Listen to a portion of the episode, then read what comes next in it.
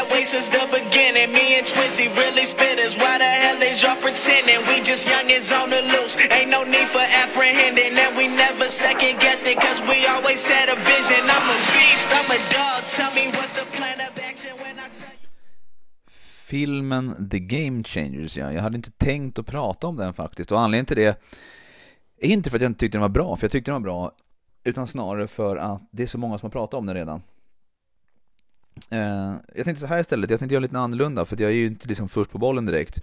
Eh, och som sagt, tänkte inte prata om det, men jag, jag sprang fem mil igår och lyssnade på många poddar. Bland annat så lyssnade jag på flera stycken som pratade om om Game Changers. Det var ju bland annat eh, Jonas Kolting och Niklas i, i Koltings nakna sanning pratade om den och det var, ganska, det var några internationella också.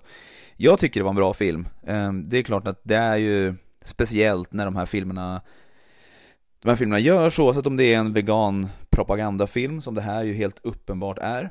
Eller om det är eh, andra som ja, men är emot veganismen och sådär. Så eh, går de ju ganska långt. Det är en väldigt amerikansk film. Det är liksom, eh, jag hörde där början, det låter ju jäkligt coolt och sådär och det är massa idrottsmän som är fantastiska och så.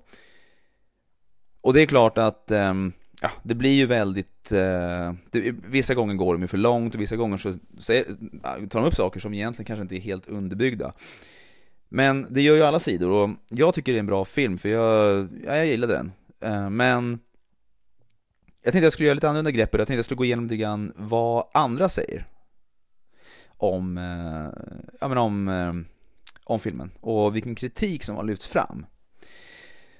Och det är ju en film som, eh, ja, de använder som sagt, de använder sig av studier och det är ju som alltid, utan det är ju liksom vissa studier då kommer de som är anti då, som kanske är LCHF-aktiga då, eller LCHF-personerna, de tycker att, nej men de här studierna, det är bara fåtal studier som är så här.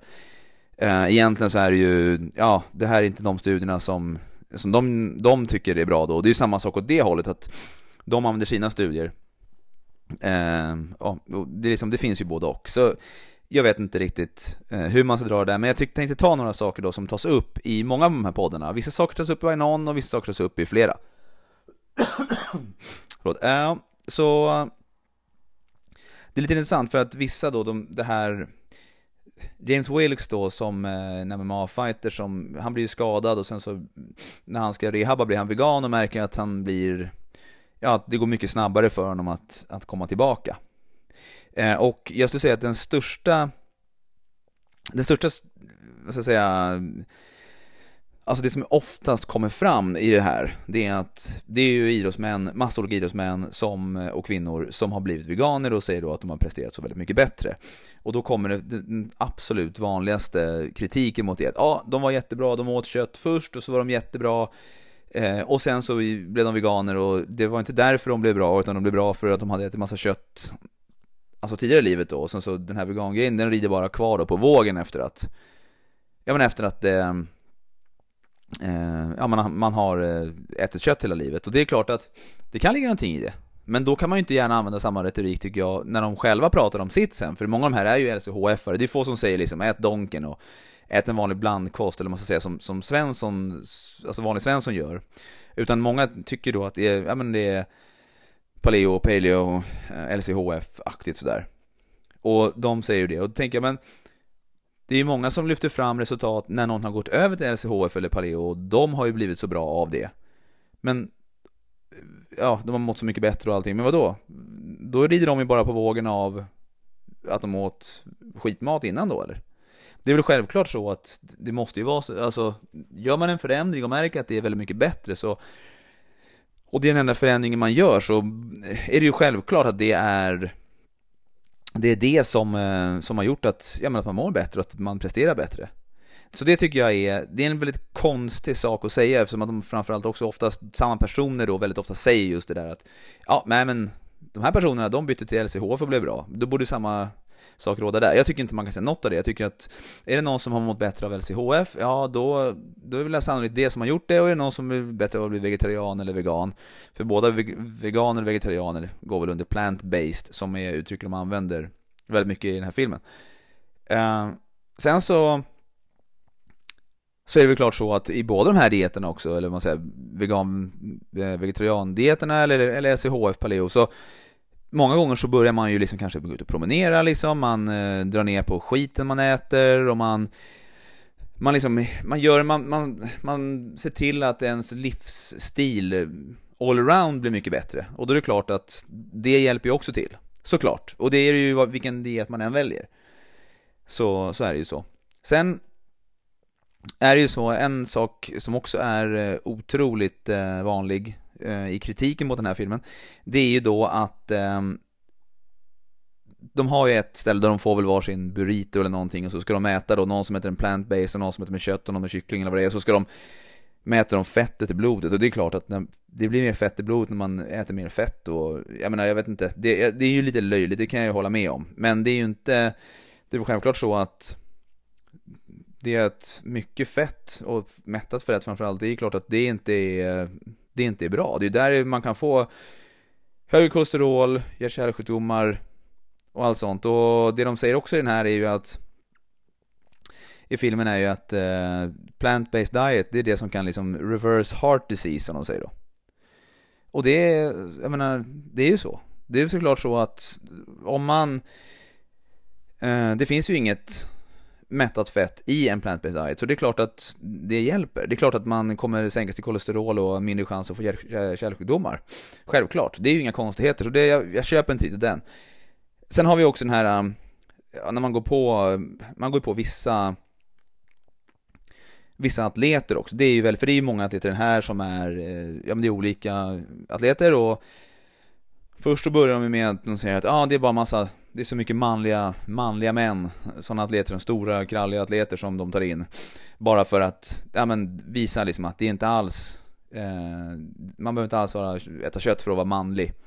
Och det är klart att det tycker, har väl de aldrig tyckt, men det är ju ändå, det finns ju ändå där någonstans. Även om vissa i vissa poddar inte verkar tro det så i den vanliga macho idrottskulturen bland män så är det ju faktiskt fortfarande så att det är, man, man tycker att det är lite mer manligt att äta kött än att inte göra det. Så är det, de skojar om det med glimten i ögat, men det finns ändå någonting där. Så att, så är det ju såklart, så jag förstår ju att de här, att den här filmen tar det här greppet. Man har, sen har vi ju några Alltså det är inte bara så att det är kralliga, men om vi tar en av dem så är det Patrick Baboumian framförallt och som, eh, han får ju mycket skit för att han har ju, han har ju några världsrekord och de framställer honom som världens starkaste man. Eh, han har jokelift och något mer sådär och, och han har ju ett par världsrekord. Som han har tagit på stora tillställningar, så är det ju. Men han är ju kanske inte världens starkaste man, och de säger väl inte att han är världens starkaste man, men de säger heller inte, de, de framställer det lite så, så det kan man säga lite fel, men han har ju ändå två stycken, eh, två världsrekord. Och han, ja, då pratar vi mycket om att han och många andra sådana där då, ja ah, men då drar de i sig massa proteinpulver och, och sådär och det är ju det liksom som gör att de kan bli, för att det finns inte protein i, i, eh, i en plant-based diet. Och det är snack om doping, att ja, men han är dopad. Ungefär som att det är större chans att någon som äter bara grönsaker är dopad. Som att inte de där gigantiska muskelbergen som äter kött, att de inte skulle vara dopade då. Det är väl lika stor chans att de är dopade och drar i sig proteinpulver för att få i sig tillräckligt mycket protein som att Patrick Babumian gör det. Så det är ju bullshit. Det, alltså, det, det, det, det, det argumentet faller ju. Ehm, sen finns det ju också det här, den här felaktiga uppfattningen att soja skulle dra upp östrogenet och eh, kanske till och med dra ner testosteron.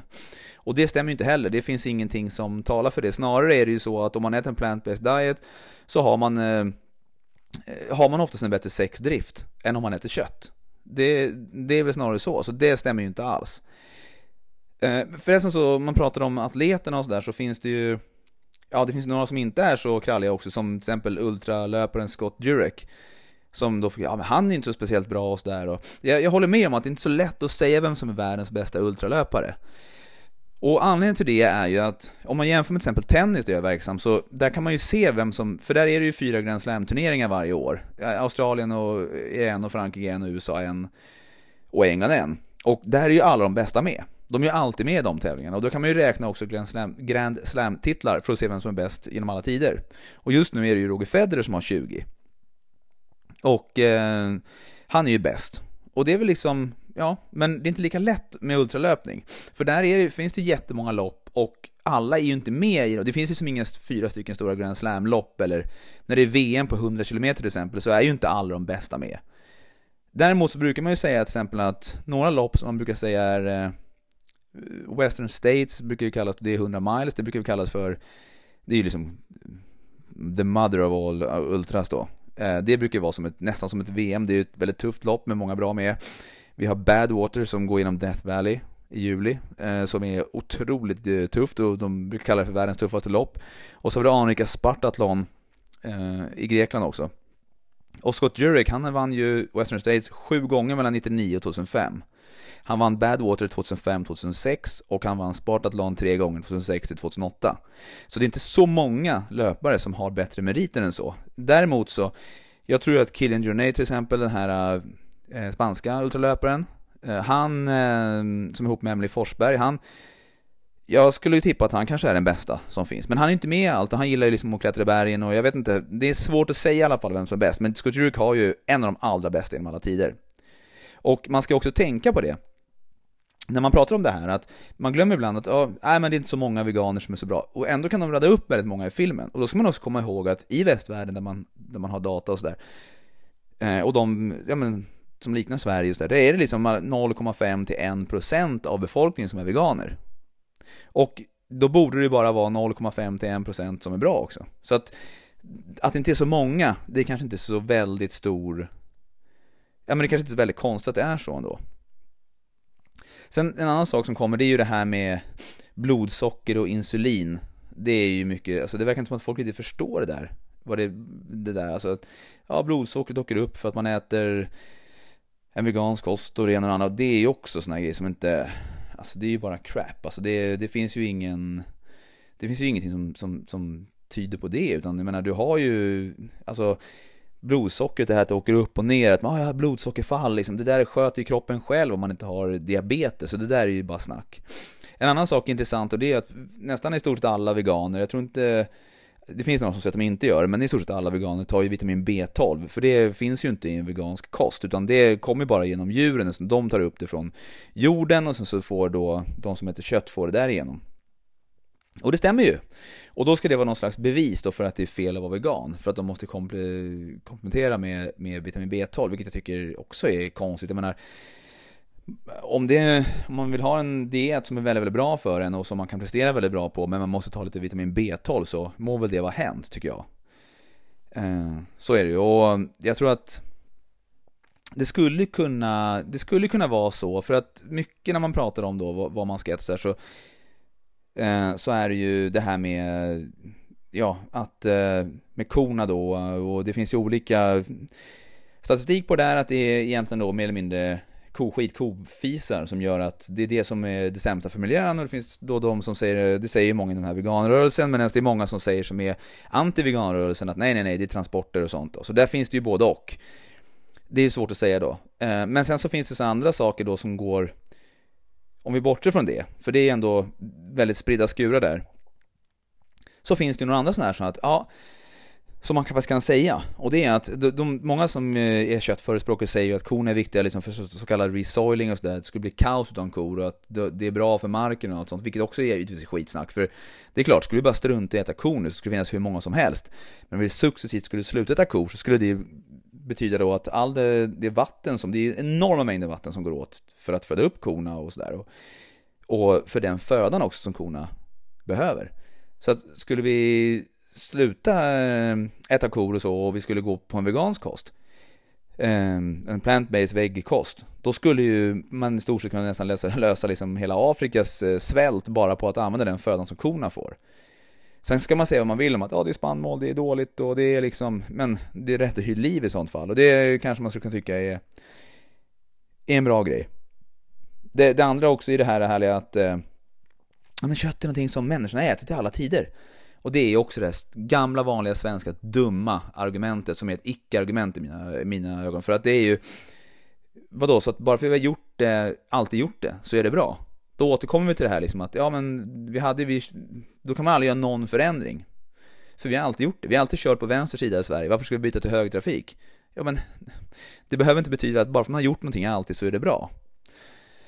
En annan sista sak där som jag kom på också, det är ju det här med att i, i filmen då så pratar de om gladiatorerna.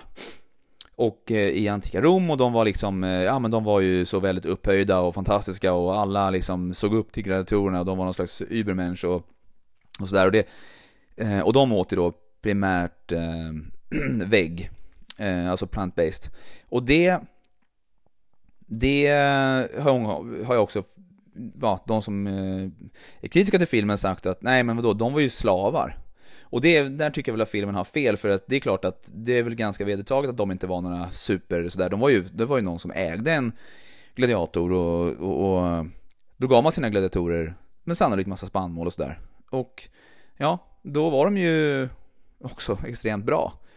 Så att det var väl det som ansågs som gott och fint, det var ju att äta djur. Men så, så gav de då skiten i citationstecken då till gladiatorerna och se, de blev ju så fruktansvärt starka. Och de var ju också de som hade, man kollade igenom deras ben och de hade bäst skelett och liksom det, det går inte att sticka under stol med att det var så. Men om vi gör så att vi, efter alla de här påståendena om jag som då är plant-based, eh, jag, jag försöker ju äta så veganskt det går, men jag har också märkt att det är ganska så svårt. Man måste ha koll på vad man håller på med och ibland så glider det in, oftast inte ägg, men det kan det väl göra, men, men ibland kan det glida in lite mejeriprodukter i min kost ju. Men om jag som då plant-based går med på premissen att vi kan äta kött och att det inte liksom är, skulle vara farligt för oss eller dåligt för oss, så tänker jag ändå varför? Eftersom att vi skulle kunna lösa så himla mycket genom att inte äta kött. Alltså helt enkelt.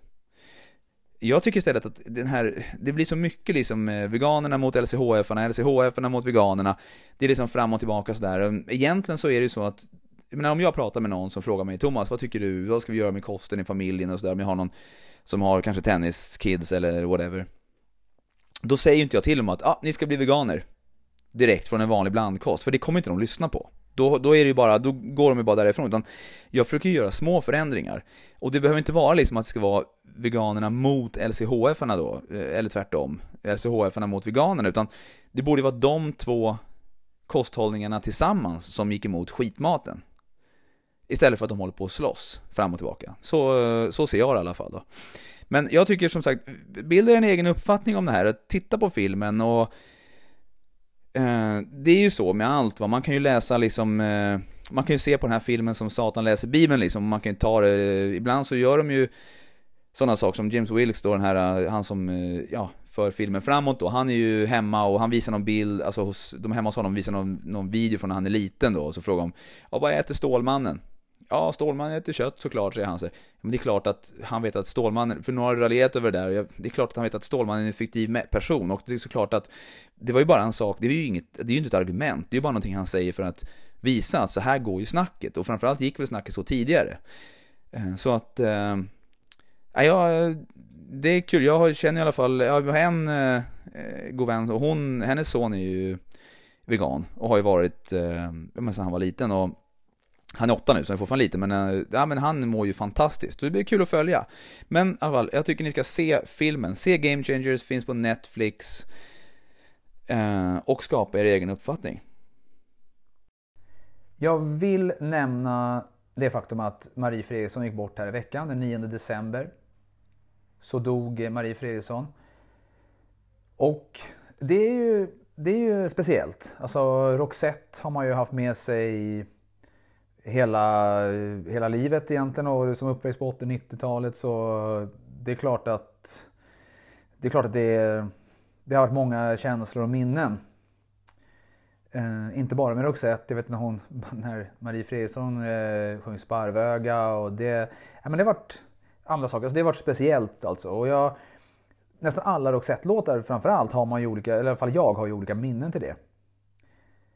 Och Alltså jag vet att en sak jag tänkte på direkt när jag hörde det här, det var att jag bara tänka på min mamma för att min mamma skulle ju, hon dog ju 2010, 28 april 2010.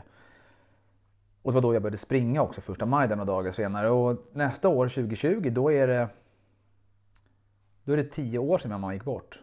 I december nästa år så skulle min mamma fyllt 70. Det blev inte så, hon dog som 59-åring. Och Mamma var den personen, skulle jag säga, i mitt liv som jag men som verkligen förstod mig. Alltså helt. Det var liksom aldrig det här att ja, vi kunde prata om allt och det var aldrig det här att hon bara tyckte jag var dum i huvudet. Vilket jag förstår när folk gör ibland, som jag är en rätt så vad ska jag säga, jag är en, eh, ja, men jag, är, jag drivs väldigt mycket av logik, jag kan argumentera för vad som helst till, till döds och ibland har det ju skadat relationer.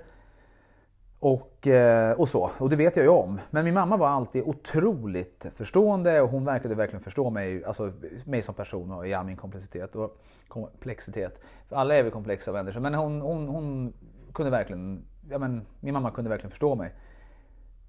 Så att det var tungt. Sen om vi säger förutom då släkt då, som min mamma så jag har faktiskt haft ett förhållande en gång när jag gick på college i USA.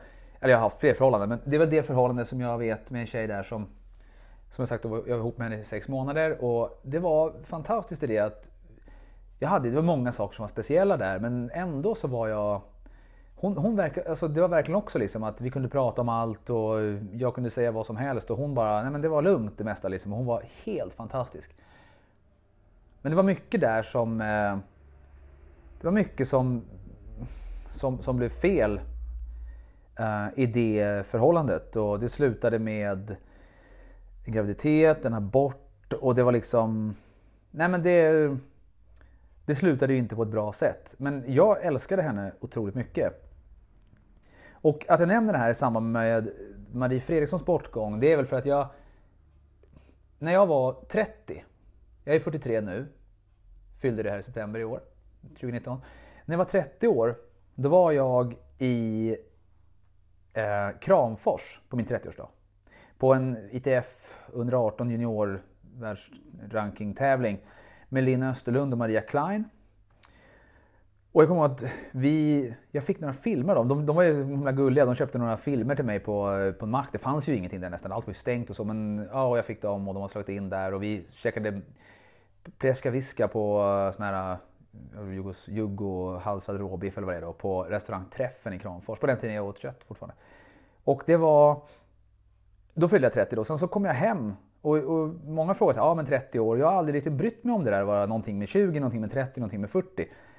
Men det som slog mig var då, det var när jag såg, faktiskt så på TV då, när jag hade kommit hem efter vi hade varit där uppe i Kramfors. Så slog jag på TVn och så, så var det filmen Pretty Woman med Richard Gere och Julia Roberts som var på. Och jag slökollade på den där när jag satt och käkade och sådär och, och sen på slutet då så, så bestämmer sig först ska det inte bli någonting mellan dem för att eh, Julia Roberts är en prostituerad och Richard Gere är han är ju en, en rik affärsman och sen så slutar det med att han ändå åker då. Spoiler alert nu men då, de flesta har sett den kanske. Jag tror filmen är från typ ja, men någonstans sent 80, tidigt 90-tal. Och han eh, åker till henne och han jag klättrar upp i den här eh, ja, nödtrappan där liksom och kommer upp till henne som en riddare på sin vita springare fast det var en vit Eh, limo tror jag istället. Men då spelar de ju låten It must have been love. Och vilket då givetvis är, eh, den sjungs givetvis då som alla vet av Marie Fredriksson. Och när jag, när jag hörde den då, där. Då var det liksom som att, för jag hade tänkt alltid så att när jag åkte från college och sådär och det liksom var massa grejer som hände och det var som sagt graviditet och abort och saker och det var det var himla jobbigt där. Alltså, då tänkte jag ändå någonstans innerst inne att jag var ledsen, min, den tjejen jag hade varit tillsammans med då var ledsen och allting. Men det fanns ändå någonting där i som var... Jag kände väl att, ja, okej, när jag väl försökte liksom till slut att bli av med den här sorgen då efter det där förhållandet. För det var första gången jag var verkligen förälskad. Och då tänkte jag så här, ja men jag är ju ung, jag var väl 19 tror jag då. Och det här kommer ju gå över. Det är ju liksom för det första. Och för det andra, jag kommer ju träffa så många andra och jag kommer ju bli förälskad igen. Det är ju inte så att man bara har en person. Och jag har ju varit ihop med tjejer. Gud vet att jag har legat runt väldigt, väldigt mycket i omgångar. Jag har träffat jättefina tjejer jättemånga gånger och jag har haft tjejer som har både velat gifta sig med mig och sagt att de vill skaffa barn med mig. Men jag har inte hittat den där tjejen som jag verkligen vill ha. Och när jag väl har hittat någon som jag tyckte ja, men det kanske kan vara något så har de kanske inte varit så intresserade av mig. Så det har varit svårt. Och jag är 43 nu och jag har fortfarande inte hittat någon. Och då tänkte jag, alltså, som jag verkligen vill vara med. Tyvärr är det så. Jag har inte hittat någon som förstår mig på det sättet som jag tyckte hon gjorde. Eh, den här tjejen då. Och jag har inte varit så förälskad i någon. Och då när jag satt där och hade nyss fyllt 30 eh, och eh, satt och tittade på Pretty Woman där.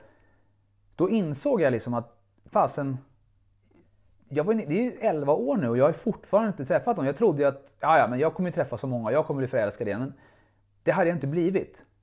Och jag kommer ihåg att jag började gråta under, under den filmen. Jag menar, Pretty Woman jag tycker det är en fin film sådär, men det är ju inte en film kanske som man som kille i första hand, jag är inte super super emotionell att jag skulle börja gråta till den. Men just det där fick mig verkligen det fick mig att börja gråta där. Det var liksom som att, fasen, det här kommer ju aldrig hända. Nu har jag väl mer vant mig vid den tanken att det antagligen är så att jag kommer inte, för jag har ganska höga krav.